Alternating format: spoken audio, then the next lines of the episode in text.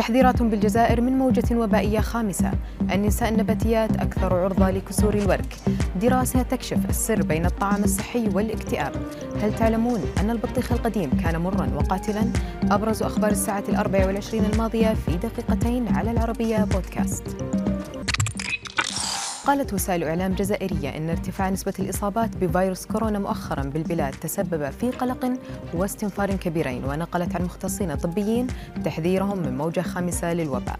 وطالب هؤلاء بالعودة سريعا إلى تلقي اللقاح وكذلك اتخاذ تدابير الوقاية كارتداء الكمامة والتقيد بشروط التباعد الجسدي في الأماكن العامة لتفادي تدهور الوضع مجددا. وقال الأطباء أن السبب في ذلك هو كثرة التجمعات العائلية بالأفراح وبيوت العزاء وكذلك الازدحام الذي تشهده معظم الشواطئ حيث يسهل تنقل الفيروس عبر الهواء.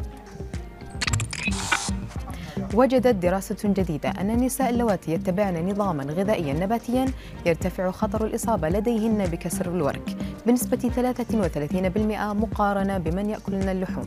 ولاحظ الباحثون بعد حوالي 20 عاما من التجارب. 822 كسرا في الورك. بين النساء وأن ارتفاع خطر الإصابة بكسر الورك كان فقط بين النباتيات. مقارنة بالنساء اللواتي تناولن اللحوم بانتظام.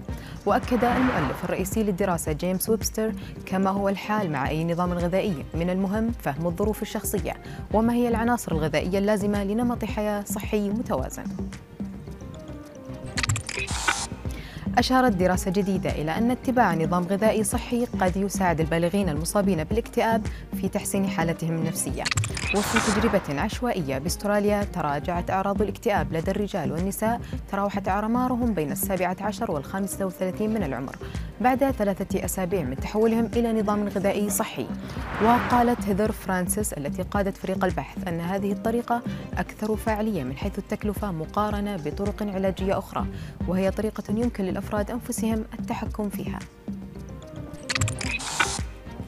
كشفت دراسة جديدة أن أول بطيخ أحمر مزروع منذ حوالي ستة ألاف عام كان له طعم مر مشيرة إلى أنه كان يمكن أن يقتل الإنسان إذا أكله. وحسب ما نقلت صحيفة اندبندنت البريطانية فإن العلماء اكتشفوا أن أسلافنا في شمال أفريقيا كانوا يتلخصون يتخلصون من اللب الأحمر ويتناولون البذور فقط. ولخص الباحثون أن الدراسة توصلت إلى أن تغير المناخ الذي يزيد من موجات الحر وفرص حدوث الحرائق والجفاف يمكن أن تكون له تأثيرات سلبية على المحاصيل الغذائية.